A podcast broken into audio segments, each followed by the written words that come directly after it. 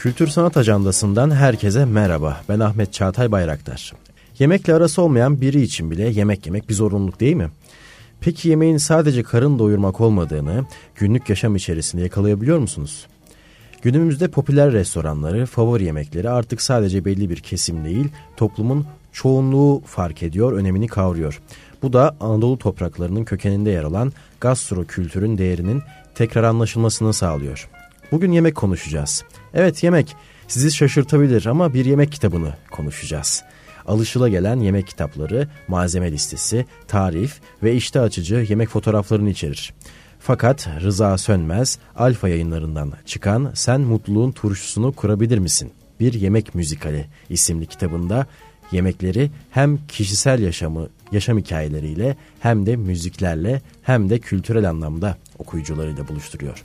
Kendisi TRT belgeselde e, bir aşk hikayesi programını hazırlayıp sunuyor. Aynı zamanda TRT Radyo'da Şikemperver Kitaplar programını da hazırlayıp sunmakta. Öncesinde kendisini tanıtmak isterim kısaca. E, 1969'da Elazığ'da doğdu. 9 Eylül Üniversitesi İktisadi İdari Bilimler Fakültesi Aydın Turizm İşletmeciliği Yüksek Okulu'nda lisansını tamamladı. Müjdat Gezen Sanat Merkezi tiyatro bölümünü bitirdi. Marmara Üniversitesi Güzel Sanatlar Enstitüsü Sinema TV'de yüksek lisans yaptı. Müjdat Gezen Sanat Merkezi'nde sinema dersleri verdi. 1997-2013 yılları arasında Cambaz ve Palyaço adı adları altında kafe, Meksika lokantası, Antep et lokantası, İstanbul meyhanesi ve gece kulübü kurup işletti. Çok sayıda sinema filmi ve televizyon dizisinde oyunculuk yaptı. Böcük, Portreden Otoportre Çıkarmak adlı kısa filmleri ve Orhan Pamuk'a Söylemeyin Kars'ta çektiğim filmde Kar romanı var. Kar romanı da var adlı uzun metraj doküdrama filmini yazıp yönetti. 2019-2020 güz dönemi Maltepe Üniversitesi Güzel Sanatlar Fakültesi Gastronomi ve Mutfak Sanatları bölümünde yemek, toplum ve kültür dersleri verdi.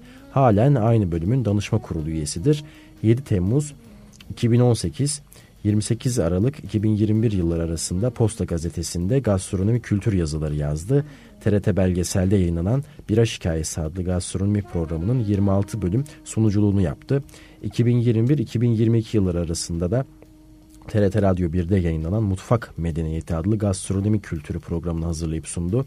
2022-2023 yayın döneminde TRT Radyo 1'de Şikemperver Kitaplar adlı gastronomi programını da hazırlayıp sunmaktadır. Belgesel TV'de Hünkar bunları da beğendi adlı Osmanlı Saray Mutfağı'nı konu edilen bir program sunmaktadır. Çok teşekkür ediyorum katıldığınız ben için. Ben teşekkür ederim. Çok sağ olun. Özellikle e, bu uzun biyografileri e, genelde kısaltarak, kısaltarak verilir ama yani o kadar kapsamlı ve çok farklı yaptığınız işler var ki hepsini dinleyicilerimizle paylaşmak istedim. Çünkü hem e, mekan işletmeciliği hem gastro kültür hem dersler hem yaptığınız programlar e, çok yönlü ve sizi tanımak anlamında da hepsini ayrı ayrı bilmek ve gözden geçirmek gerekiyor bence. Teşekkür ederim. Ee, şimdi lisansınız Turizm Yüksekokulu bir yandan da Müjdat Gezen Sanat Merkezi'nin tiyatro eğitimi ve Marmara Üniversitesi'nde sinema TV yüksek lisans e, eğitimi aldınız. Mekan işletmeciliği de var. E, filmlerde de, de de rol aldınız. Ya dıştan bakıldığı zaman çok zıt görünen çalışmalar aslında. E, peki bunları nasıl birleştirdiniz ve aynı potaya soktunuz? Öncelikle bunu sormak isterim. Teşekkür ederim. İnsan tek katmanlı bir varlık değil. Çok katmanlarımız var. Ee, bazı insanlar bu katmanlarının birine odaklaşır, odaklanırlar. Öbür katmanlarını hobi alanı olarak tutarlar. Ya da işte ilgi alanları, merak alanlarından biri diye değerlendirir ama çok kurcalamayabilirler. Bazı insanlar ise onları kurcalar, onu açar. Onu açtığında o sadece bir oda değil, o odalar başka kapılar açılır. Orada bir yaşama alanı oluşturulur. E, turizm otelcilik, ya ben işte 10-15 yaşlarında işte e, e, kafelerde, e, pastanelerde filan çalışan, okurken çalışan, yaz tatillerinde çalışan biriydim. Bizim kuşak zaten yaz aylarını e, boş geçirmeyen bir kuşaktı. E, turizm hep hayatımızın bir parçasıydı. E, turizm otelciliği okurken de bir tiyatro kulübümüz vardı. Tiyatro kulübünde işte çeşitli oyunlar sahneledik. E, çok da başarılı oldu. Öyle olduğunda benim aslında yaratma süreçleriyle ilgili merakımın daha yoğun olduğu ve aslında benim onunla ilgili bir şey yapmam gerekliliği e, de düşünmeye başladım. O sırada MSM açılmıştı. MSM'nin Müzakir Gezen Sanat Merkezi'nin ilk yılıydı. Ben de dördüncü sınıfta bıraktım turizmi. MSM'yi okudum. Bu arada işte dört yıl geçmiş oldu. Beni e, işte yedi yılda bitirmeyince üniversitelerde atılıyor. Attılar ama bir af sınavı çıktı. Af sınavından yararlandım. Gittim af sınavlarından e, işte turizm otelciliğin e, e, e derslerini verdim. Mezun oldum. E, o aralar işte MSM çok başarılı bir okuldu. Bizim hocalarımız da müthiş bir e, hocalar kuşağıydı. Hepsi efsane hocalardı. E, sınıf arkadaşlarım da çok başarılı oyuncular oldu. E, bu arada film projeleri üretiyorum ben. Hep e, fakat hani daha bilimsel bakmak ve işte bir de çevre üretme ihtiyacı vardı. E, yüksek lisans yapmaya karar verdim. Daha doğrusu e, e, lisans okumaya, sinema lisans okumaya karar verdim ben. E, henüz şeyi bitirmemiştim. E, 9 Eylül Üniversitesi'ni bitirmemiştim. E, Mimar Sinan'ın sınavlarına girdim, lisans sınavlarına. Sonraki yılda yüksek lisans sınavlarına girdim. Jüri geçen sene de girmemiş miydiniz dedi. Yok lisansa girmiştim dedim. Onlar için de şaşırtıcı bir şeydi. Marmara Sinema TV yüksek lisansını kazanmış oldum. Ee, orada da çok kıymetli hocalarımız vardı. Zihnimizi geliştirdi. Hayatımıza çok önemli etkileri oldu. Ee, o dönemde de bir televizyon dizisinde oynamaya başladım ben. Çılgın Bediş. E, 60 bölüm kadar oynadım. Aynı zamanda Eşkıya filminde oynadım o dönemde. E, fakat dizilerde oynamak benim çok da arzu ettiğim bir şey değil diye düşünmeye başladım. Bir küçük yerimiz vardı orayı kafe yaptık. Kafe yapınca işte e, sinema, televizyon ve tiyatro çevresinin gençlerinin hepsi gelmeye başladı. Yani bugün televizyon yıldızı olarak gördüğünüz birçok kişi o zaman öğrenciydiler. Cambaz'ın müdavimiydiler. Yani işte Engin Altan, Düz Yatan, Rıza Kocaoğlu onlar İzmir'den gelirlerdi. Ee, işte e, e, tek ünlü kişi Sanem Çelik'ti.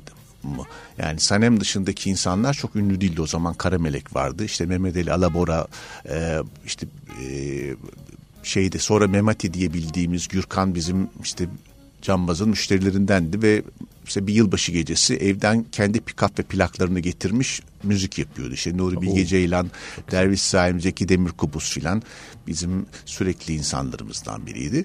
Cambaz çok böyle keyifli bir süreç oldu. Sonra ben Palyaço diye bir yer açtım. Çünkü cambaza ruhsat alamıyorduk.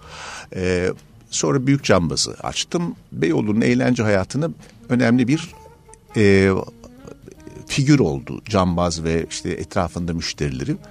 Ee, sorunuza tekrar dönersek birbirlerini destekleyen unsurlar aslında bir yanıyla.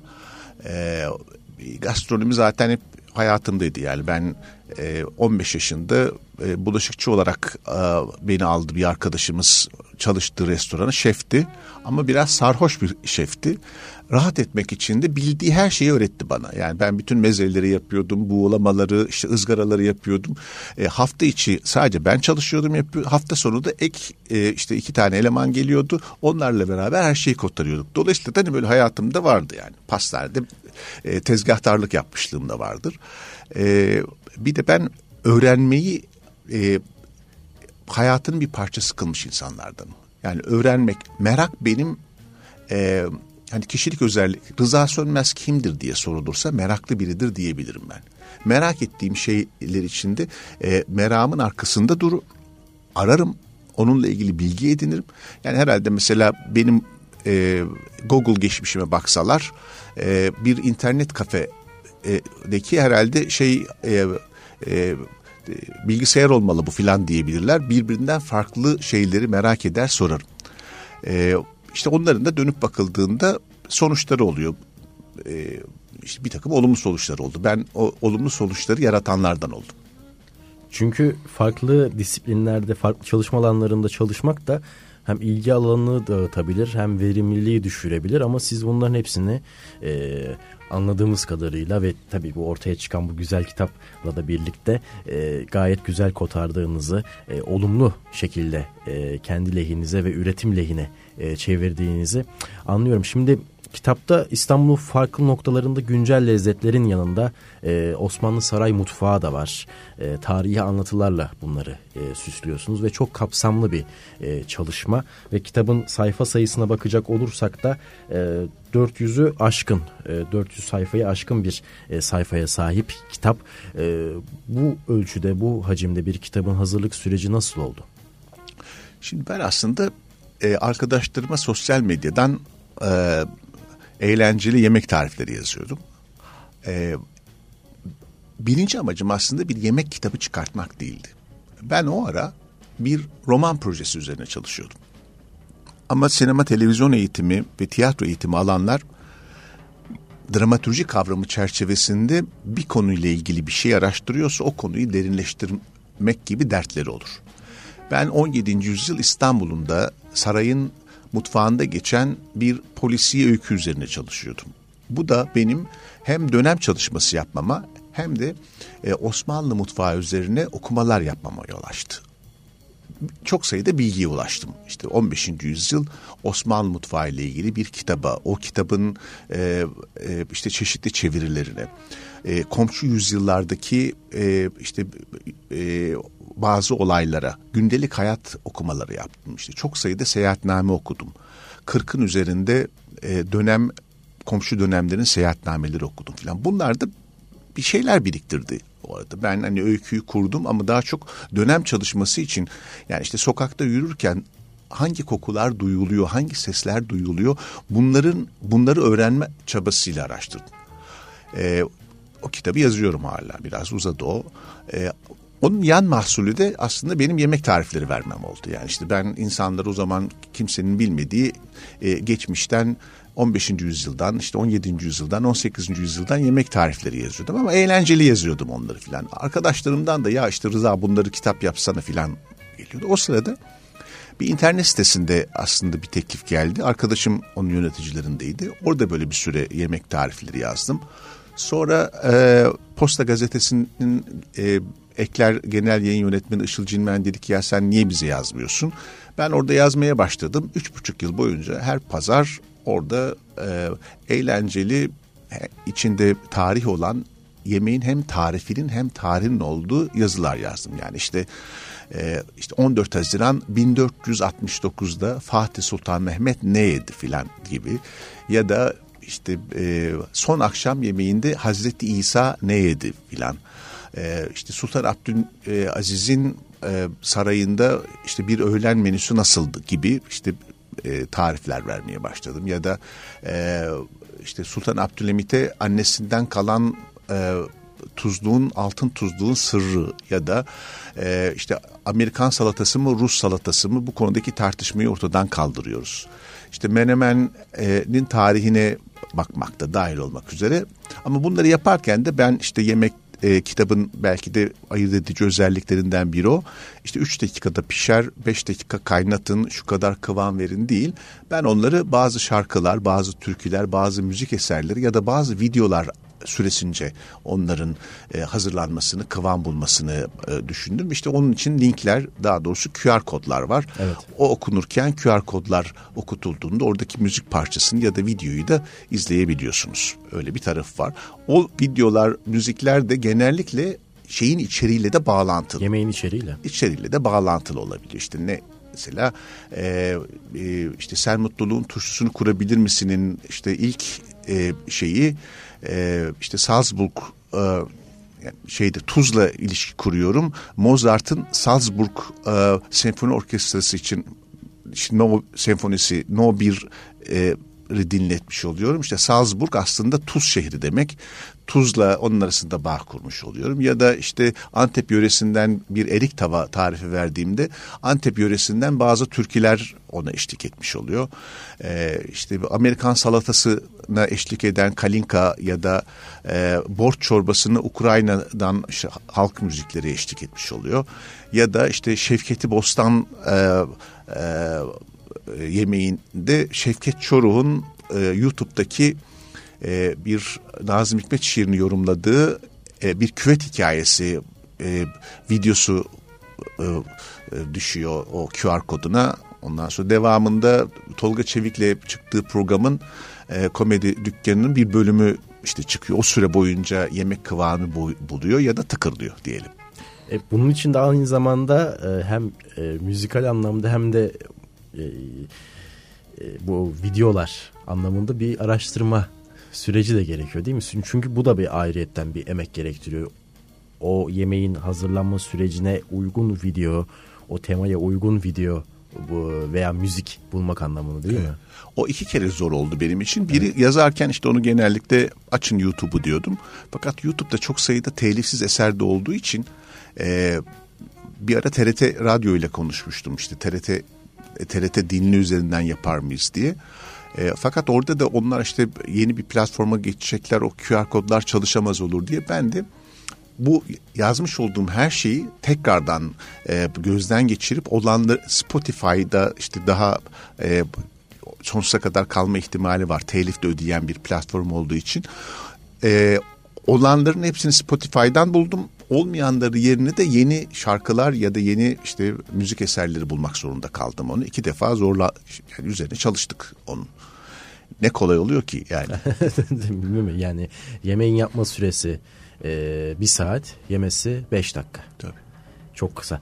E, peki e, buradan hareketle bir aş hikayesi programını da hazırlayıp sunduk. E, as, Onu ben sadece sundum. Hazırlayan bir yapı vardı. Benden önce de 17 bölüm e, e, çekilmişti. Ben sunucusu oldum ama benim için çok e, keyifli bir süreç oldu. Bunların içerisinde sizin de bizzat e, daha önceden program öncesinde denediğiniz bazı e, lezzetler ve lokantalar da yer Tabii. alıyordu. E, peki e, hangi yerler mesela e, o restoranlar o lezzetler arasında hangilerini özellikle tercih etmeye çalıştınız? Esnaf lokantalarını mı örneğin? veya başka sokak lezzetlerini mi? Başlıklar vardı. O başlıklarda çeşitlilik e, peşine düştük. Yani işte nasıl bölümün adı pirinç. Hı hı.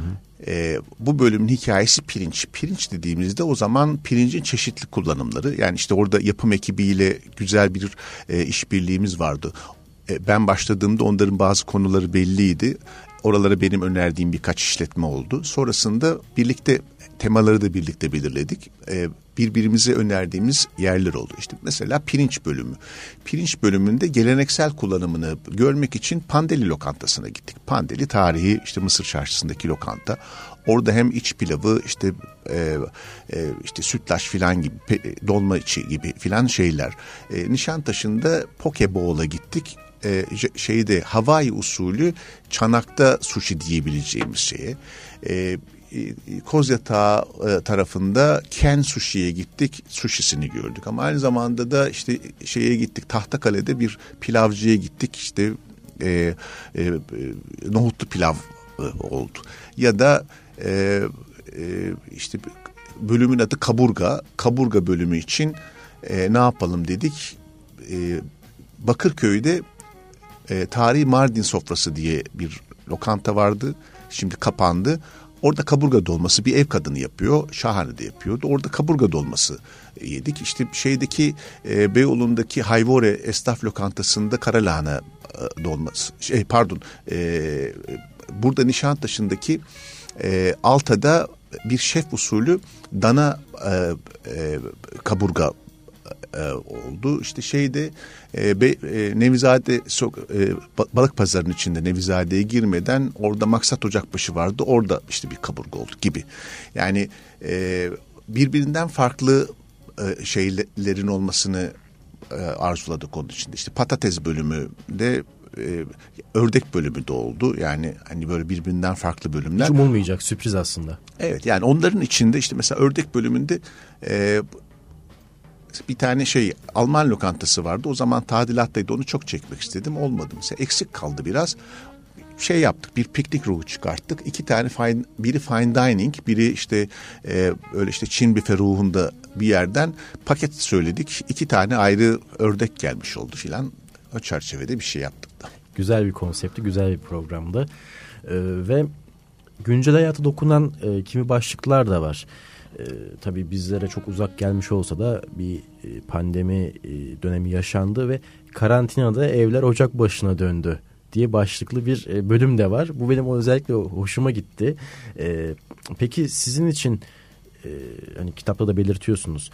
Özellikle mutfaklarda denenmemiş reçeteler denendi. E, sıradan evlerde de dahil olmak üzere veya daha önce mutfağa girmeyen kişiler ekmek yapmaya başladı gibi gibi detaylar da veriyorsunuz. Peki e, sizin için farklı lezzetleri seven biri olarak karantinada siz e, nasıl hangi mut, yemekleri denediniz ve hangi mutfaklara doğru yöneldiniz? Ya işte e, yazdıklarımızın bir kısmını da yaptık orada. O dönemde işte herkes birden ekmekçi oldu. Evde evde ne yapabilirim diye düşünmeye başlandı. E, onun mizahı da oldu. Bir tane şey vardı. Karikatür vardı. Çok güzel anlatıyor onu. Fırına gidiyor. Fırıncı işte bir poşet içinde ekmek uzatmış sizin yaptığınıza sizin yaptığınıza be, tam şey nasıldı? Sizin yaptığınızın yerini tutmaz ama yok canım artık yapmıyoruz zaten diyor öbürü de. Yani herkes birden öyle uzman oldu. Ben de şeyde orada işte mesela kebap tariflerinde filan e, bir yerde işte kebap işte ustam bak çok güzel yapmışsın eline sağlık ama bak ben marinesini şöyle yapıyorum diye böbürlenebileceğiniz bir tarif veriyorum dedim. O dönem işte evde çıtırdayan lahmacun e, işte e, şey ocak başına döndü. Ekmek tarifi, e, e, evde pizza yapımı gibi e, çok öyle işte eğlenceli de ele aldığım e, tarifler verdim orada. Çünkü herkes evde bir şey yapıyordu yani yapılacak bir şey lazımdı. E, o dönemde e, şeyde patlama yaşandı işte yani hani e, paket servisi patlaması yaşandı. Bir, bir kısım insanlar e, bu tarifleri evdeki galetayı e, kemirerek okudu. Ondan sonra e, falan öyle bir dönemdi. evet oldukça ilginç bir dönemde. Herkes kendini ya yoğurt yapmaya ya ekmek yapmaya ya da daha önce denemediği e, lezzetleri yapmaya e, odaklamıştı. E, cidden farklıydı. Peki günlük yaşamda yani şu an günümüze geldiğimizde e, kendiniz e, farklı lezzetleri denemek için e, mutfağa girme fırsatını yakalayabiliyor musunuz? Zamanınızdan dolayı zamanınız kalıyor mu? Çok yapamıyorum ama hani şeydi benim elim yatkındır yani e, herhangi bir tarifi aldığımda onu hızlıca uyarlayarak yapabilirim. Elim lezzetlidir de yani e, işte bizim şimdi havalar sıcak olduğu için yapmıyoruz. Periyodik olarak arkadaşlarla toplanırız. Bizim işte bir çiğ köfte buluşmalarımız vardır. Kuzenim yoğurur etli çiğ köfteyi. Ben sadece salata yaparım ama mesela Rıza'nın salatasıyla yaşayabilirim diyen arkadaşlarım olur yani. Basit bir salata ama işte zaten basit. Basitte lezzet üretmek en e, önemli unsurlardan biri. Basitin içinden bir lezzet çıkartabilmek. Gerçekten de el lezzeti diye bir şey var. Yani o böyle e, sizin vücudunuzun ısısından işte elinizin hijyen durumuna varıncaya kadar bir dolu parametre içeriyor. Aynı zamanda sizin hazırladığınız tezgahtaki size ait olan ailenizin diyebileceğimiz bakteri uygarlığı. Çünkü aslında lezzeti belirleyen şeylerden biri de bakteri uygarlıklarımız. Yani bizim elimizde, tezgahımızda her yerde yaşar o. Yani mesela peynirler çeşitli yerlerde farklıdır. Niye şey çünkü o peynir e, mandırasının kendi e, bakterileri vardır. E, bizim benim yönettiğim Orhan Pamuk'a söylemeyin kastı çektiğim filmde Kar romanı da var. Filminin bir bölümünde Boğatepe köyüne gidiyoruz eski Zavot köyüne. Orada şey e, grevyer yapımına tanıklık ediyoruz. İşte e, büyük kazanın altın alaşımlı bakır bir kazan var. Bir tane tahta var orada. Bu ne diyor oyunculardan biri? Ha o dalga kıran diyor. O bizim mandıramıza has bakterileri taşıyor. O yıkanmayan, sürekli korunan daha önceki bir tür mayalanma sürecinin parçası. Yani şırdan mayası kullanıyor ama aynı zamanda da o tahtanın üzerine birikmiş olan e, mikrobiyolojik uygarlığı da devam ettiriyor orada. Yani işte elimizin lezzetinin bir parçası da bizim bakterilerimizdir. Yani mikroplar gibi e, e, ilk akta e, geldiğinde kötü bir fikir gibi gelebilir ama öyle değil. Fermentasyon lezzet oluşturan bir şeydir. Bir de unutulmamalı ki bizim bir şeyleri, yemekleri sindirmemize neden olan şeyler bizim beynimizdeki hücrelerden bile daha fazla olan milyarlarca bağırsaklarımızın içinde yaşayan dost bakteriler. Hatta e, annem de söyler onu. E, beynimiz pardon e, bağırsağımız bizim ikinci bakteri, ikinci beynimizdir. Evet doğru. Çünkü ne, ne yersen ona göre etkilenir. Evet. Yani kitabın adıyla da ilgili bir Evet. konuya gelmiş olduk. Sen mutluluğun turşusunu kurabilir misin? İşte bir şeyde probiyotik turşu kurarak bağırsaklarımızdaki probiyotik uygarlığa katkıda bulunuyoruz. Ee, o e, e, bakterilerde e, serotonin salgılayarak mutluluğumuza katkıda bulunuyor. Yani aslında laktik e, fermentasyonla probiyotik bir turşu elde edersek o turşu bizim yediğimizde kilolarca e, çikolatadan daha çok e, serotonin salgılamamıza neden oluyor ve bizi mutlu ediyor. O halde bir e, lahana turşusu e, mutluluk için yeterli olabilir. Çikolatadan daha etkili hatta e, kalori endişesi olan kişiler için de daha sağlıklı olabilir diyebiliriz o halde. Yani işte yeme içme söz konusu olduğunda onu yemeyin bunu yiyin demek çok doğru değil. Çikolatayı da yesinler tabii ama biz işte şeyde e, bir kıyaslama yapmak için bakın bunda çok daha fazla vardır diyoruz. Çikolatayı o kendi şeyde kendi ödül sisteminin içinde bulundursun ama e, e, şeyde sirkeli olmayan bir e, probiyotik turşu yapmayı da öğrensin insanlar. Çünkü bu sadece işte mutlulukla ilgili değil. Probiyotik e, probiyotik turşular aslında bizim sağlık sistemimizin büyük gıda destekleri ve aynı zamanda sağlık destekleri. Ben evde işte e, turşular yapmıştım. E, aynı dönemde Ümit Çırak oyuncu arkadaşım benim sınıf arkadaşımdı da aynı zamanda MSM'den. Biz eş zamanlı hasta olduk. O ilaçlar kullandı filan. Ben bir hafta sonra iyileştim çünkü ben şeyde yaptığım lahananın lahana turşusundan yedim. Suyunu içtim şeyde sınırlı miktarda. Her gün işte yarım çay bardağı kadar filan. Bir hafta sonra iyileştim ben. Ümit dört hafta filan hastaydı. İlaçlar kullandı, kullandı, kullandı. Bu şey demek değil. İlaç kullanmayın, tıbbi destek almayın değil ama bu çerçevede yararlılığı konusunda kuşku götürmeyen, destek olabilecek olan gıdalarla niye karşılaşmayalım? Onlarla karşılaşmalıyız. Çünkü zaten kitabın çeşitli yerlerinde de söz ediyorum. Ee, yemeğe bir ecza olarak bakar dünya. Yani işte diyet diyoruz filan da aslında geçmişte işte e, e, çok yararlandığım kitaplardan biri Muhammed bin Mahmud Şirvani işte bir hekim 15. yüzyılda Fatih Sultan Mehmet'in babasına bir tane yemek kitabı yazmış. Bu Kitabul Tabih adlı bir kitabın çevirisi 13. yüzyıldan bir kitabın çevirisi ondan 200 küsür yıl önce çevrilmiş ama beraberinde de 80 e, e, e, kadar yemek tarifi koymuş. Her bir yemeğin önce şifasını anlatıyor. Diyor ki faydası oldur kim diyor. Onun şifasını anlatıyor. Neye iyi gelir? O zaman da bir şey var. Hıltlar ya da suyuklar teoremi var. Ona e, ona uygun olarak o sağlık sistemi Galen'den gelen, Galenos'tan gelen bir sağlık sistemine göre tanım. Bugün geçerli olmamakla beraber bir bakış açısı veriyor bize. Yediğimiz her şeyin e, vücudumuza bir etkisi, bir katkısı ya da bir zararı olabileceği ile ilgili bir şey yapıyor. Dolayısıyla da e, e, eğer belli ölçülerde e, kabul görmüş modern tıbbın da kabul gördüğü bir tıbbi önermelerin aykırı olmayan bir durum varsa onun peşine düşmek lazım. İşte yani e, probiyotik ürünler ne kadar yararlı olduğu konusunda tartışma yok. Bunu eğer siz kendi evinizde üretirseniz onun probiyotik olup olmadığı konusunda kuşkuya da düşmezsiniz. Dışarıdan aldığınız hazır ürünlerde bu kuşkuyu sürdürebilirsiniz çünkü.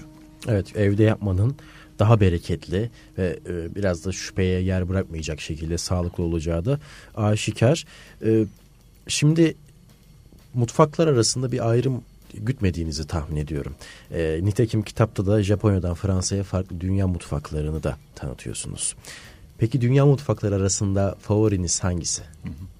Ya işte kendi ülkemizi seviyoruz çünkü bizim genetik e, arzularımız yani bir şeyden söz ettiğimizde ağzımız sulanır. Aklımıza düştüğünde canımız çeker, ağzımız sulanır. E, Türk mutfağı şey e, e, yani işte çok kaynaklı bir mutfak. İçinde Arap mutfağı var, işte Orta Doğu'dan gelen, Uzak Doğu'dan gelen etkiler var, Avrupa etkileri var, Bizans var. E, çok çeşitli ve çok zengin. E, dünya mutfaklarında da böyle bakıldığında hani e, benim mesela uzak doğu mutfağına özel bilgim olduğunu söyleyebilirim. Ee, işte Japon mutfağını seviyorum. Öyle ki şimdi yeni kitap projem aslında tam da onunla ilgili. Ee, Japon yazar Haruki Murakami'nin Kahramanlarının Sofrası diye bir kitap üzerine çalışıyorum. Bitmek üzere o. Çok güzel. Ee, işte kitaplarında kahramanlar yemekler yiyor, yemek tarifleri veriyor. Onların olduğu etrafında dönen bir e, e, kitap olacak. E, Fransız mutfağı da bir şeyi dünya mutfağını çok etkileyen e, bir mutfak. Özellikle ele alma biçimi açısından. Bugün dönüp baktığımızda e, fine dining dediğimiz işte Michelin yıldızı alan lokantalarda şöyle bir yaklaşım olduğunu görmeye başlıyoruz. Kendi yerel yemeğini Fransız pişirme usulleri ama uzak doğu, Japon, Çin daha ağırlıklı olarak uzak doğu, Japon e, e, mizanplasıyla yani e, tabağa yerleştirmesiyle servis edildiğini görüyoruz. Yani kültürler arası e, bir şey, bir e, dayanışma olduğunu görüyoruz.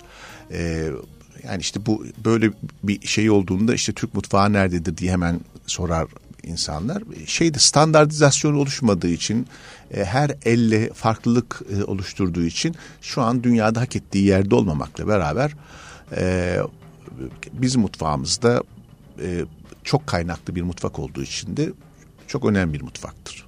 Kesinlikle. Ee, ve baktığımız zaman e, başka ülkelerin dizilerinde veya filmlerinde o ülkelerin e, mutfağına dair yemek hazırlama stilleri ve sofrada karakterlerin yediği yemekler dahil olmak üzere çokça yer verilir.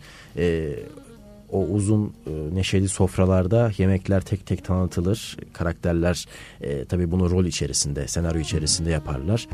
E, fakat bunu Türk dizilerinde, Türk filmlerinde göremiyoruz. Kendi mutfağımıza dair e, unsurları da görme konusunda eksikliğimiz var. Nitekim e, özellikle dizilerin e, Güney Amerika'ya, Türk dizilerinin Güney Amerika'ya, e, Orta Doğu'ya gibi Orta Doğu gibi farklı coğrafyalara e, gittiğini, orada yayınlandığını gözetirsek aslında Türk dizileri üzerinden, filmleri üzerinden de yemek kültürümüzün tanıtılabileceğini söyleyebiliriz bence. Kesinlikle doğru. Böyle bir proje yazdım ben. E, Hayalet Lokantası diye Michelin yıldızlı İtalyan bir tane kızın sevgilisi Antepli bir oğlan Antep'e gelirler ve Antep mutfağıyla karşılaştığında çok şaşırır ve onun üzerine e, kurulu bir proje o.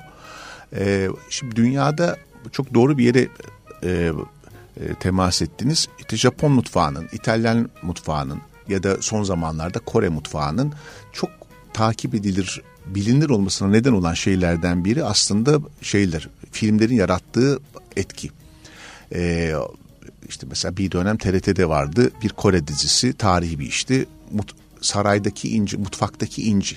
Yani e, Kore mutfağındaki yemekleri e, iki, bir rekabet oluşturmuşlar. İki ailenin rekabeti işte şeyde kral, e, imparator rahatsızlandığında yemeklerle tedavi etmeye çalıştıkları bu arada yemek kültürünün içine girdiğimiz bir tane program serisiydi. Çok başarılı bir işti. E, e, baktığımızda e, şimdi işte e, Kore bunu çok iyi yapıyor. Bir e, K-pop'la yapıyor, Kore popuyla yapıyor. Diğeri de K-food'la yapıyor. Birbirini destekliyor bunlar. E, çok sayıda e, mutfak odaklı, yemek odaklı projeleri var, filmleri var onların. Bizde de olmalı onlar. E, bunun için e, çok zengin bir kültüre sahibiz biz. Yani sadece Gaziantep'te 300'ün üzerinde e, özgün yemek var. Yani şey sıralamalarına baktığımızda bir ülkenin bazı ülkelerin o kadar yemeği yok yani. Yani ben mesela işte bir e, Anadolu'nun vegan yemekleri üzerine çalışma yürütüyorum. Bitmek üzere o. Gaziantep'te 155 tane vegan yemek buldum. 155 yemek bazı ülkelerin şeyinde yok. Kitapta da bu yer alıyor ya bu çağrıyı yapıyorsunuz. Evet, evet.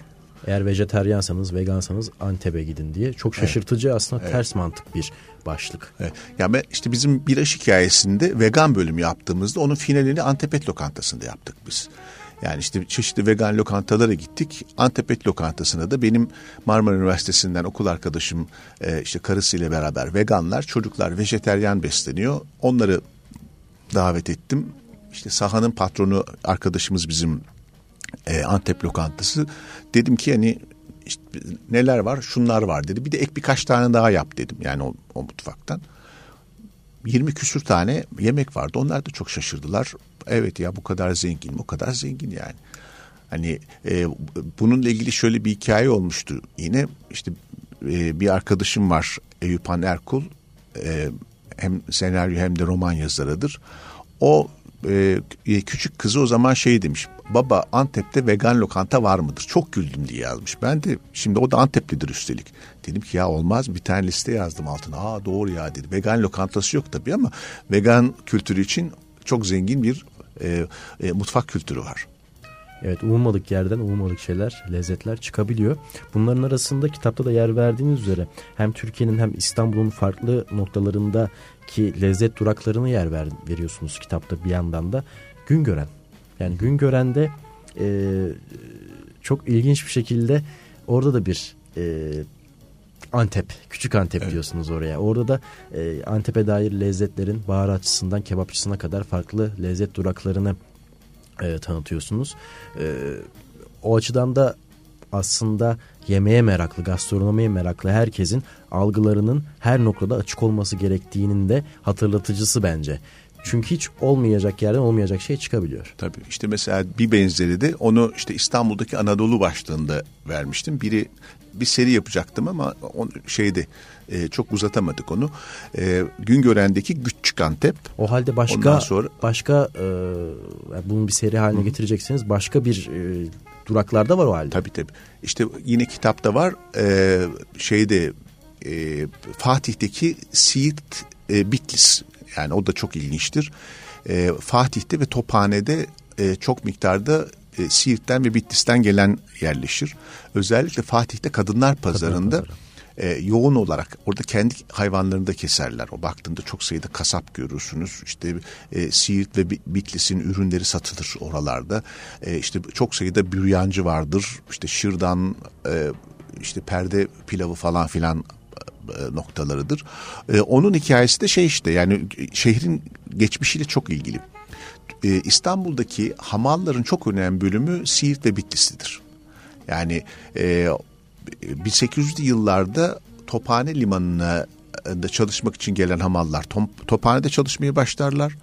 E, şeyde de e, Fatih'te de e, İstanbul Sebze Hali vardır. Yine orada çalışanlar. Sonra orada hamal olarak gelenler kabzımal olmaya başlarlar. Sadece orada değil işte mesela balık halinin de kabzımalları olur. Şimdi bugün balık halindeki aslında komisyoncular ve balıkçılara kredi verenler o zamanın hamallarının işte birkaç kuşak sonraki çocukları tamam e, e, oturdukları yerleri de get dolaştırıyorlar. Dolayısıyla da memleketten yiyecekler gelmeye başlıyor. İşte memleketin e, lokantaları da orada açılıyor. İşte yani işte Siv şeyi e, Kars, Ardahan, Iğdır'ı görmek istiyorsan gideceğin yerler belli.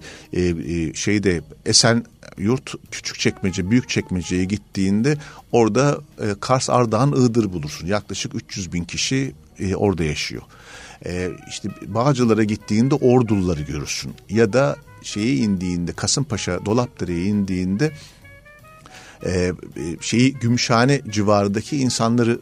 Kastamonu Gümüşhane e, etrafı e, şeydedir. E, orada otururlar ve pazar şey pazar kurulduğunda da oradan gelen e, e, ürünleri bulursun orada. Nitekim Kasımpaşa'nın hemen karşısına baktığımız zaman Balat Fener'de de orada da e, Kastamonu'nun e, köyünün artık ilçesini demiyorum köyünün hemşerilik dernekleri vardır. Orada da yoğun bir şekilde e, Kastamonu, e, Gümüşhane bölgelerinden, illerinden gelen e, yoğun bir yerleşme olduğunu görürüz. Nitekim e, oradaki meşhur e, kurulan e, salı pazarında da gene o memleketlerin ürünleri yer alır. E, cidden o anlamda İstanbul farklı lezzetleri denemek noktasında zengin, büyük bir zenginlik sunuyor. Yeter ki keşfedelim. E, ve e, hani dünya mutfağı dedik ya, e, sizin önceden ön yargılı olup sonradan çok lezzetli bulduğunuz bir yemek oldu mu ve e, dinleyicilerimize bu ön yargıyı kırmaları noktasında nasıl bir tavsiyede bulunursunuz? Ya işte şöyle bir şey eskiden şunu yemem bunu yemem derdim ben. Sadece ben değil insanlar da derdi. Bu şeyde yeni yiyecekler fobisi diye bir fobi var. Yeni yiyecekler İlginç. fobisi e, alışık olmadıkları yiyeceklere tepki koyma ağırlıklı olarak da turistlerde görülen bir fobidir. Yani o yüzden de e, turistlerin yoğun olduğu yerlerde şunu görürüz. E, çok sayıda zincir fast food fast görürüz. Food. Yani işte mesela uzak doğuya gittiğinizde 7-Eleven'ları görürsün. Her yerde bizde mesela her büfe tekel hangi sırala ne kadar yakınlıklardaysa o yakınlıklarda 7-Eleven'ları görürsün. Şey çünkü gider oraya turist işte sandviç o bu filan gibi güvenli bulduğu yiyecekleri yer ya da işte bu e, bildiğimiz fast food markaları geçelim onlar. Şimdi, önemli bir değişiklik döneminden geçiyoruz. Bir bu bir devrim aslında bir yanıyla. deneyimlemenin çok daha öne çıktığı bir zamandan geçiyor. Deneyimledim. Ben deneyimledim demek istiyor insanlar. Şunu yedin mi, bunu yedin mi diye bu bir aynı zamanda bir challenge. Ee, arkadaşların birbirleriyle konuşabilecekleri mevzu. İnternet bunu çok tetikleyen şeylerden biri. Şimdi yıllar önce gazetelerde çok az yemek yazılarına ya da deneyim yazılarına rastlardık. Hafta sonunda belki bir tane iki tane yazı işte Ramazan'da yaparlardı. Şimdi bütün gazetelerde eklerinde var. Her gün e, yemek tarifleri var. Dergilerin içinde mutlaka var. Sadece bunu çıkartıp bunu anlatan çok sayıda yemek dergisi var. Televizyonlarda işte programlar vardı. Şimdi televizyonlarda yemek kanalları var. Dönüp bakıldığında bir yeme içme bombardımanıyla karşı karşıyayız. Bu şeyler de e, işte listeler oluşturmak işte bizim izleyicilerimizden biliyorum ben bizim e, bir hikayesindeki mekanların listelerini oluşturup onları gidip deneyimliyorlar. Karşılaştığımızda da söylüyor. Sizin anlattığınız şuraya gittik, buraya gittik, buraya gittik. E, daha önce ben asla bir şey yemem diyenler şimdi ben onu da yedim dediği bir yere geldi. Yani ben asla sushi yemem filan. Aa çiğ balık mı diye konuşuluyordu. Şimdi bugün e, Türkiye'deki şeyde Japon lokantaları sayısını bunu bilemeyiz bile. Yani bir tane zincirin geçen merak ettim. İşte meşhur bir zincir o. Çok sayıda lokantası varmış. Düşündüğümden çok daha fazla. AVM'lerde bile artık Japon e, evet. restoranları var. Evet. Bir şaşırtıcı olan Çin mutfağı çok az burada. Japon mutfağı müthiş çünkü Japon mutfağı aynı zamanda sinemayla da destekleniyor. Yani çok sayıda biz filmde görüyoruz Japon mutfağı ile ilgili. Yani işte mesela ramen filmleri var. Ramen üzerine filmler yapmışlar ve biz ramen yemek istiyoruz izlediğimizde. Ramenci arıyoruz yani. Şimdi işte burada Nişantaşı'nda mesela kendi noodle'ını yapan genellikle hazır kullanırlar. Nadirdir o. Kendi noodle'ını yapan bir tane ramenci de var.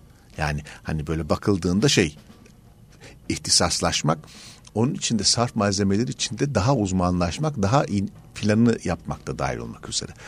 E bir de şey var. Yani üzerine düşünüyorum belki bir kitap olacak o. İstanbul'daki dünya diyebileceğimiz bir durum söz konusu. İstanbul'da o kadar çok sayıda e, ülke mutfağından şey var ki 40 bir kabaca saydığımda 45 ülkenin restoranı var burada. İşte Hint lokantası var, e, Etiyopya lokantası var, işte Çin falan filan zaten onlar bilinen lokantalar. İşte e, e, şey e, Mısır lokantası var. Fas Cezayir lokantası var. Var da var yani hani böyle bakıldığında. İskandinav şeyde Peru lokantası var yani. Peru'da son zamanlarda gastronomide sürpriz yapan ülkelerden biri Hiç oldu. beklenmedik bir Peru beni şaşırtmayan ama kimsenin beklemediği. Çünkü Peru aslında bugün bizim en önemli bulduğumuz bazı yiyeceklerin çıktığı yer. Ant Dağları, patatesin mesela ana vatanı orası da. Domatesler herhalde Güney Amerika. Güney Amerika'da. Yani patatesin bulunduğu yerden söz ediyoruz. Çıkartılan yer. Orada binlerce çeşit patates var. Ee, şimdi şeye baktığımızda yani e, e, çeşitliliğe e, bu, bu, e, Perulular olduğu için gitmiyor oraya insanlar bir şey bu, bu kültüre merak sardıkları için gidiyor. Aynı zamanda bir yiyecek içecek o kuryazarlığı gelişmeye başladı. Benim işte e, TRT Radyo'da yaptığım e, şikenperver kitaplar gastronomi kitapları üzerine. Çok çeşitli kitaplar çıktı işte. işte bizim yayın evi şimdi Aş serisi diye bir yemek kitapları serisi daha çıkartmaya başladı. İlk kitaplarından birini çıkarttılar onlar. E, yemeğe meraklı insan sayısında artış oluyor. Yemek kitabı çıkartmak isteyenlerde. Yemek kitaplarının kalitelerinde büyük artış olmaya başladı. Öyle ki işte uluslararası gastronomi kitaplarında ödüller alan kitaplarımız var bizim. Çok sayıda ödül alan kitabımız çıkıyor orada. Bu kitapların ama bir kısmı tasarımla ilgili ödüller alıyor. Bir kısmı da içerikle ilgili ele alma biçimiyle ödüller alıyor ki bu kıymetli bir şey. Şimdi şeye dönersek yani e, işte ben mesela kan sucuğu e, beni zorlayan bir şeydir tamam mı? Yani o sadece kandan yapılan bir sucuk benim için hani zorlayıcı şeylerden biri. Ee, bazı e, e, yiyemeyeceğim şeyler var. Mesela kahvaltıda e, balık yağı e, yemek benim için zorlayıcı bir şey ama denedim. Norveç'te Tromsø'de benim filmim Orhan Pamuk Söylemeyin e, e, Tromsø Film Festivali'ndeydi. Kaldığımız otelde işte normal kahvaltı olduğu gibi bir de Norveçlere özel bir kahvaltı vardı. Yani işte çiğ balıklar, balık yağları, şeyde fermente balık ürünlerinden oluşan bir deneyimledim ama mesela kahvaltı için iyi bir fikir olmadığını söyleyebilirim. Bir daha da deneyimleyemeyeceğim. Ama mesela şeyde e, Fransa'da işte e, Aralık başında e, Kasım sonu Aralık başında işte e, Paris, e, Düsseldorf ve Stuttgart tabii turne yaptık. Oynadığım bir filmin e, galaları vardı. E, Düsseldorf'taki otelin e, kahvaltısında istiridye vardı mesela. İstiridye ve şampanya vardı. Yani. E, şeyde daha çok halk müziği söylemekle meşhur oyuncularımızdan biri İstiridye'yi gördüğünde bu nasıl yenir ya? Yenir mi bu dedi. Yenmez mi dedim ben. Ben ben yerken görmüştü zaten. Gittik ona da aldık. Dur dedim bu öyle olmaz. Şampanya, şampanya da mı içeceğiz kahvaltıda dedi. Sonrasındaki günlerde hep ondan söz etti. Müthiş bir deneyim olarak anlattı onu. Yani işte sabah kahvaltıda çünkü bizde alkolle kurduğumuz ilişki işte sabah biri eğer alkole başlıyorsa ay yaştır. Halbuki batı kültüründe o sabah öğlen akşam yemeklerinde yenilebilen bir şey, içilebilen bir şeydir. Ama böyle bir şişe içmez insanlar. O böyle eşlikçisi bir kadeh e, lezzetlendirici bir şeydir yani. Dolayısıyla hani şeyde ben çok şey yiyebilirim ama hani mesela e, fare yemeği düşünmem. Yani dünyanın çeşitli yerlerinde yenilen hayvanlardan. Bazı sürüngenlere karşı mesafe koyabilirim. Bazı balıkları yemek gerekmez. Türü te- te- tehlikede olan bazı ürünleri yememek gerektiğinden yanayım. Etik açıdan. Temelde de aslında şöyle bir şey diyebilirim. Ben daha az et yemeyi düşünen, daha az tüketen biriyim ve neredeyse hiç tavuk yemeyen biriyim. Yani çünkü hayvan refahı açısından çok kötü koşullarda yetiştiriliyorlar ve hani baktığımda insan olarak e, bir etik e, yaklaşımımız var ya. Ben işte 22 santimin altında lüfer yemem. Çinekop yemem. E, yani e, şeyi de masaya gelmiş ya zaten yakalanmış deseler bile yemem. Yemem yani.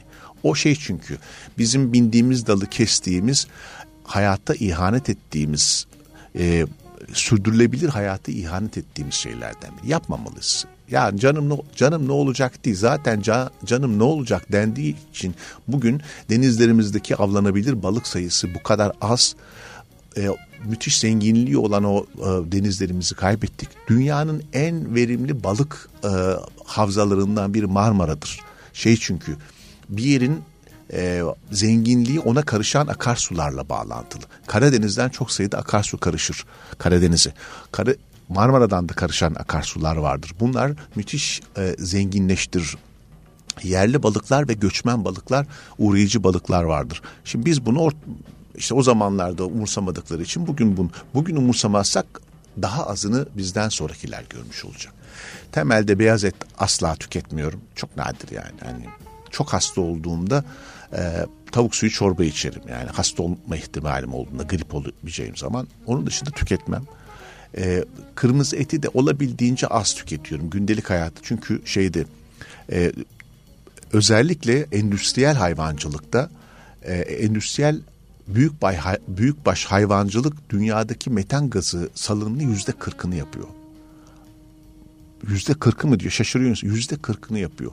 Bizdeki tabii şeyde e, hayvancılık fikri işte bir çikolata markasının mor ineği işte tek başına e, bir süt e, ayran markasının işte özgür dolaşan inekler filan şeklinde düşünüldüğü için ya da işte e, nostaljik fotoğraflarda bir tane ineği sağan ya da işte otlatmaya götüren yaşlı bir kadın adam figürü diye düşünüyor. Endüstriyel hayvancılık öyle bir şey değil. Özellikle, Özellikle Amerika'da. Bir, evet Amerika kıtasında, Brezilya'da, işte Uruguay'da, Uruguay'daki koyun sayısı insan sayısından fazla denir.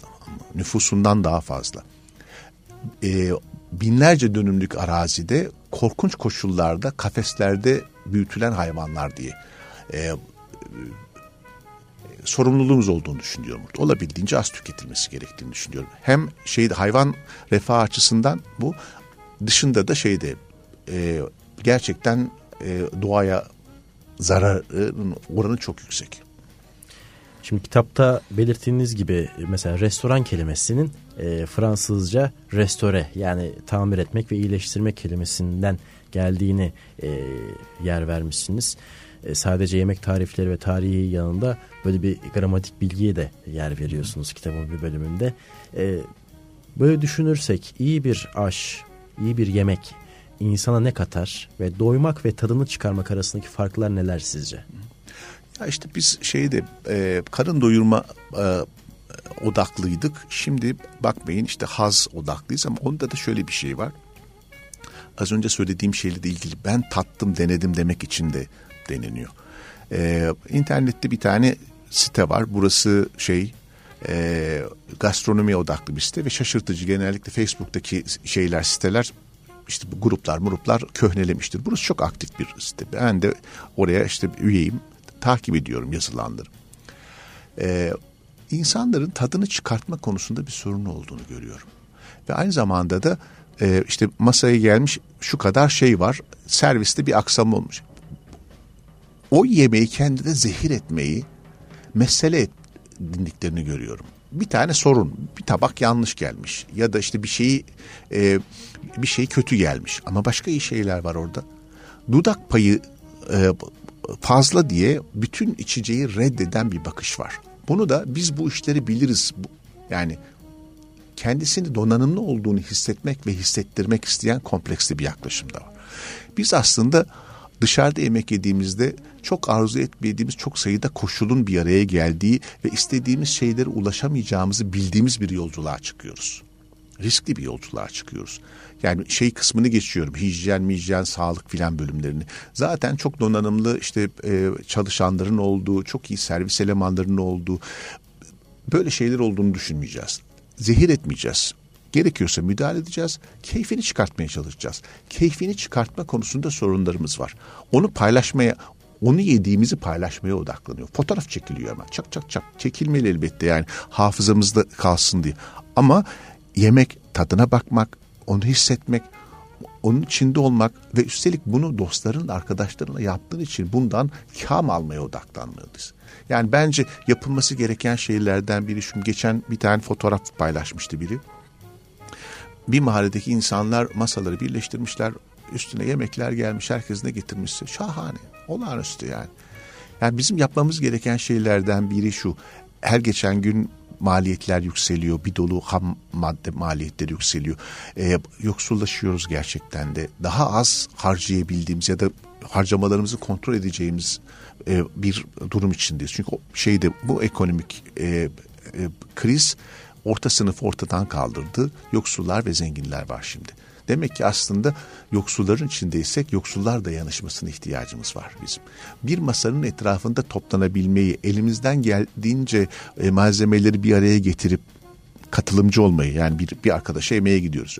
Yanımızda bir şey götürdüğümüz bir şeyi bir bakıma bizde var odur yani. Ee, Misafirliğe gidilince bir şeyler götürülür. E, o dışında da bizde işte şey vardı kısır günü yaparlar, altın günü yaparlar, işte beş çayında bir araya giydirler. Bunu e, bu işte ev hanımlarının yaptığı bir şeydi. Bunu işte gençlerin de ailelerin de yaptığı bir yere dönüştürüp e, yemeği biraz böyle şenliğe, keyifli bir alana dönüştürmemiz lazım. E, tadını çıkartmaya odaklanmalıyız. Tadını çıkartmıyoruz. İşte bir kulp bulman e, yani sıklıkla öyle bir tartışma var. İşte şeyde e, çok önemli bulduğum bir tane şefin lokantasına gitmiştim. Şahane işte yemekler yazdım ben onu. İki, üç gün önce de oraya gitmiş bir başkası yazmıştı. Ve yani başına geldiğini düşündüğü şey o kadar küçük ki. Ya o kadar önemsiz ki. Bunu o kadar büyütmüş. Benimle de yani e, bunu bunu tartıştı benimle tamam.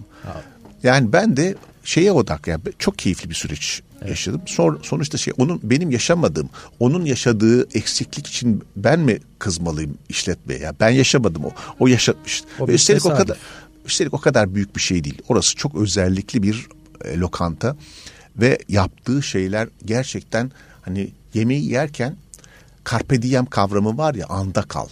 Biz aslında her sofrayı ya da işte ekmeğin arasında bir şey koyarken karpa diemin parçası olarak düşünmeliyiz. Anında kalmak, onun içinde gitmek, damağımızda gezdirmek, onun hikayesi varsa hikayesinin içinde bulunmak. O anın tadını çıkarttığımızda hayatla kurduğumuz ilişki daha kolay olacaktır. Çünkü bizim motivasyonumuzu kırmak için milyonlarca sebep var. Yani sadece bir haber sitesini açtığımızda olası duyarlılıklarımızla ilgili bizim canımızı sıkacak çok sayıda şeyi görebiliriz tamam mı? Ya da işte gündelik hayatta sokağa çıkarken de işte insanların şehir şehri kullanma biçimleri, şehirden yararlanma biçimleriyle ilgili rahatsızlıklarımız olur. Toplu taşımayı kullan bir sürü şey sayılabilir. Evet. Madem öyle bazı kendi kontrolümüzde olan şeyleri olumlu bir hale getirmeliyiz. Keyfini çıkartmak. Carpe diem o anın içinde olmak tamam. Buna odaklanmak gerekli. Yoksa şey canımızı sıkmak için reddetmek için çok şey bulabiliriz yani. Zaten insan beyninin de sürekli olarak olumsuza düşünmeye programlandığını yaratılıştan düşünürsek bu zor ama bence de dediğiniz gibi yapılması gereken bir durum.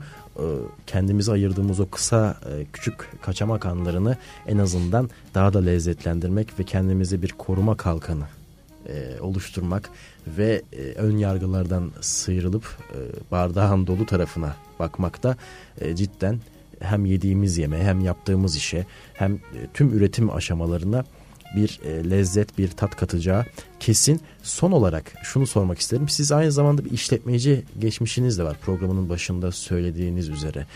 E, ve Beyoğlu'nda yer alan işletmeler bunlar. Ve genelde de e, Beyoğlu'nun son zamanlarda yaşamış olduğu dönüşümden bir e, şikayette söz konusu. E, kitapta Beyoğlu'ndan da e, yer ayır, ayırmışsınız, ayırıyorsunuz. E, Beyoğlu'ndaki bu değişim e, kalıcı mı olacak sizce? Hem mekan bir eski bir mekan işletmecisi olarak hem de orayı gözlemleyen, oranın nabzını tutan biri olarak soruyorum. Ya Beyoğlu'nun işte çöküşleri ve dirilişleri var. İşte kitaptaki yazılardan biri her daim küllerinden doğan Beyoğlu diye bir yazı var. Ee, bir Beyoğlu dönemi vardı. Bir Beyoğlu bohemi vardı. 1990'lı yıllarda başlayan 2010'a kadar süren müthiş bir dönemdi o. O e, Beyoğlu'nun işletmeler aslında e, tetikledi. Çok sayıda işletme, film festivali, tiyatro festivali, müzik festivali gibi şeylerin katkıları da oldu. Ama gerçek bir Beyoğlu bohemi dönemi vardı. Şimdi herkesin o dönemi yaşamış insanların e, iç çekerek hatırladığı bir dönem. Şimdi ben umudunu kaybetmeyen insanlardan. Çünkü ben 1991 yılında Beyoğlu'nda oturmaya başladığımda ben 1983'te Şişli'de e, otur, Dum 83 yılında e, Beyoğlu'na çıktığımızda İstiklal Caddesi trafiğe açık zamanlarda o zamanlar. E, akşam 6'dan sonra Beyoğlu'na gidilemezdi. Bütün sokaklar, pavyonlar, batakhanelerle doluydu. Gidemezdin yani. Böyle bir şey yok. E, güvenli bir, bir yer değildi. Sonra işte e, programdan önce konuştuğumuz şimdi uzatmayayım e, meseleyi. E, Beyoğlu'nda bir dönüşüm başladı. E, Beyoğlu'nda e, merkezi hükümetin bir kararıyla da Beyoğlu çöktü. E, o karar şeydi sokakları tam Nisan ayı gibi sokakları masa atma yasağı getirdiler. Beyoğlu'nun çöküşü başka olumlu şeyler oluşturdu. Beşiktaş'ın ve Kadıköy'ün patlamasına neden oldu. Beşiktaş ve Kadıköy'de işletmeler patladı. Bunun şeyler e, oranın sakinleri için hane halkları için olumsuz tarafları oldu. Neden işte gürültü oldu. Oradaki işte yorgancı, yoğurtçu için olumsuz oldu. Niye? Çünkü kiralar yükseldi, kafe oldu onlar. Ama Beyoğlu çöktü. Ee, şimdi Beyoğlu bir e, AVM'nin koridoru gibi bir Beyoğlu söz konusu. İstiklal Caddesi'ndeki esnaf memnun çünkü çok sayıda Arap geliyor. Ee, e, Arap, İranlı, Filistinli, e, Hintli müşteriler söz konusu. Az miktarda Ukraynalı yani ağırlıklı olarak onlar. Dönem dönem işte Ukrayna, Rusya daha ağırlık oluyor. Havalar soğuduğunda şeyler e, Orta Doğular gidiyor. Ee, şeyin Bilge Karasu'nun Lağımlar Anası Beyoğlu diye bir kitabı var. O kitapta Beyoğlu'nun 10 yılda bir çöküp tekrar yeniden doğduğunu anlatır. Ee, o, onun söylediği çöküş dönemlerinden birine tanığım ben. 1991 yılında ben İstiklal Caddesi'ni kesen Bekar Sokak'ta okuyordum. Müjdat Gezen Sanat Merkezi'ne gidiyordum. E, akşamları da işte Eski Yeşil'de Uğur Yücel Kabere'de de barmenlik yapıyordum. O sokağa 12'den sonra girerken tedirgin girerdik çünkü pavyonlar vardı. İşte Mis Sokak biraz daha İmam Adnan Sokağı gündüz de girilemezdi. Korkunç bir sokaktı o. Tamam e, şey pavyonlar e, baktığında korkacağın adamlar. Ama girişine işte şey açıldı, kaktüs açıldı. Kaktüs Beyoğlu'nun İstanbul'a daha doğrusu belki de Türkiye'ye kafe kültürünü getiren öğreten bir yerdir. Müdavimleri bütün televizyon e, işte ankormenleri, yazarlar, çizerler, şairler, ressamlar filan falan karşısına kaktüs açıldı. Şey, şey karşısına Cadde-i Kebir açıldı. E, hayal kahvesi açıldı. İşte kemancı daha önce açılarak o meseleyi ilk başlatanlardan biridir. Değişmeye başladı her şey. Şimdi Beyoğlu'nun tekrar değişimi için nedene ihtiyaç var. Şu an o neden yok. Böyle devam eder. Yani işte Asmalı Mescid'i var eden Babilon'du. Babilon taşındı. Asmalı Mescid çöktü. Şimdi tamamen turistikleşmiş bir yer. Ya ben iki sene önce lokumcuları saydım. Meydandan tünele kadar. Sadece cadde üzerinde 17 tane lokumcu vardı. Pastaneleri saymıyorum. Bak lokumcu. Bir yerde lokumcu varsa orası turistleşmiştir. Yani Üstelik hani baktığında oranın en eski lokumcusu e, Hacı Bekir. Hani Hacı Bekir'in önünde değil ama e, tarihi gerçek bir tarih olup olmadığını kuşkuya düşeceğimiz bir tane işletme var. Üç tane dev şey önünde kuyruklar herkesin elinde onun e, poşetli. Değişir mi? Değişir ama bunun için bir nedenin olması lazım. Yani kendi kendine değişmiyor. Daha önce Beyoğlu'nu geliştiren, değiştiren şeyler işletmelerdi. Var eden, tetikleyen şeyler. Bugün de yine işletmeler olacaktır diye düşünüyorum. Mesela Narmanlıhan da işte Celtic var o önemli bir nokta oldu. E, Asmalı Mescid'de koridor ve Noa onlar olumlu unsurlar. E, şeyin e, Galata Port'un bunu geliştirebileceğini düşünüyordum ama Galata Port içine kapanarak soylulaştırdı orayı. Orası yani uçağa binerken bu kadar arana, aranmıyorsunuz. Yani en son gittiğimde şeye girerken e, cebimdeki kitabın sayfalarının arasına baktılar tamam mı? Yani hapishaneye girerken ancak böyle aranırsın. Söyledim de ya. Cimer'e de şikayet ettim yani. Orası şey değil gümrüklü alan olarak değerlendirilemez. Gümrüklü alanları başka diye giremiyorsun. Her yerde güvenlik noktaları var. Ve hani e, saçmalığı şurada yani. Yani benim elimde bir tane çakı olsa almayacaksınız değil mi diyorum. Evet bak orada diyorum işte bir tane şey var mutfak malzemeleri satan bir yer var. Orada kolun büyüklüğünde şef bıçağı satın alabilirsin. Yani hani bu ne manasız bir şey. Neyse e, Galata Port bir etki yapabilirdi. Sönümlendi o yani o yapmadı. Soylulaştırdı orayı. E, orası da yine şeyde e, uzak doğu e, ve yakın doğu, orta doğu turistlerine odaklanmış bir yere dönüştü. Güzel Halbuki, bir yer oldu. E, e, İstanbul Modern bunun için umut olabilirdi ama İstanbul Modern'de bir hatayı yapıyor e, şeyde sadece fine dining bir tane lokantası var. Modern lokanta yanlış bu. E, e, doğrusunu Salt Galata yapıyor. Salt Galata'da girişte e, kütüphanenin olduğu yerde bir tane e, müzenin kafesi var. Üst katında da şimdi Michelin yıldızı aldığı e, e, Neolokal var. Neolokal'in sahibi Maksut Aşkar iki yeri de işletiyor. Ama yukarıda işte bir tadım menüsünü 3000 5000 liraya 2500 liraya alıyorsanız aşağıda bir çorbayı işte 50-100 liraya içebiliyorsunuz. Ee, bir mekanın bir bir bir mekanla başlayan ya da bir bir mekan bir seri mekanla Beyoğlu'nun tekrar toparlanacağını düşünüyorum. Evet, e, her bir yemeği nasıl hazırlarsak farklı birbirinden bağımsız e, lezzetleri nasıl bir araya gelip bir yemek olursa bu programda da farklı konuları hem Beyoğlu'nu hem e, yemek kültürünü hem de tabii ki de e, Rıza Sönmez'in kişisel çalışmalarıyla beraber sen mutluluğun turşusunu kurabilir misin? Bir yemek e, müzikali kitabını konuştuk. Ben çok teşekkür ediyorum katıldığınız için. Ben teşekkür ve, ederim. Ve vaktinizi bizle paylaştığınız için. Evet kültür sanat ajandasında e, bir aradaydık. Ben Ahmet Çağatay Bayraktar. E, sesimizi Serdar Filiz ve Ece Çokal sizlere ulaştırdı. Haftaya çarşamba görüşmek dileğiyle. Hoşçakalın, kültür sanatla kalın.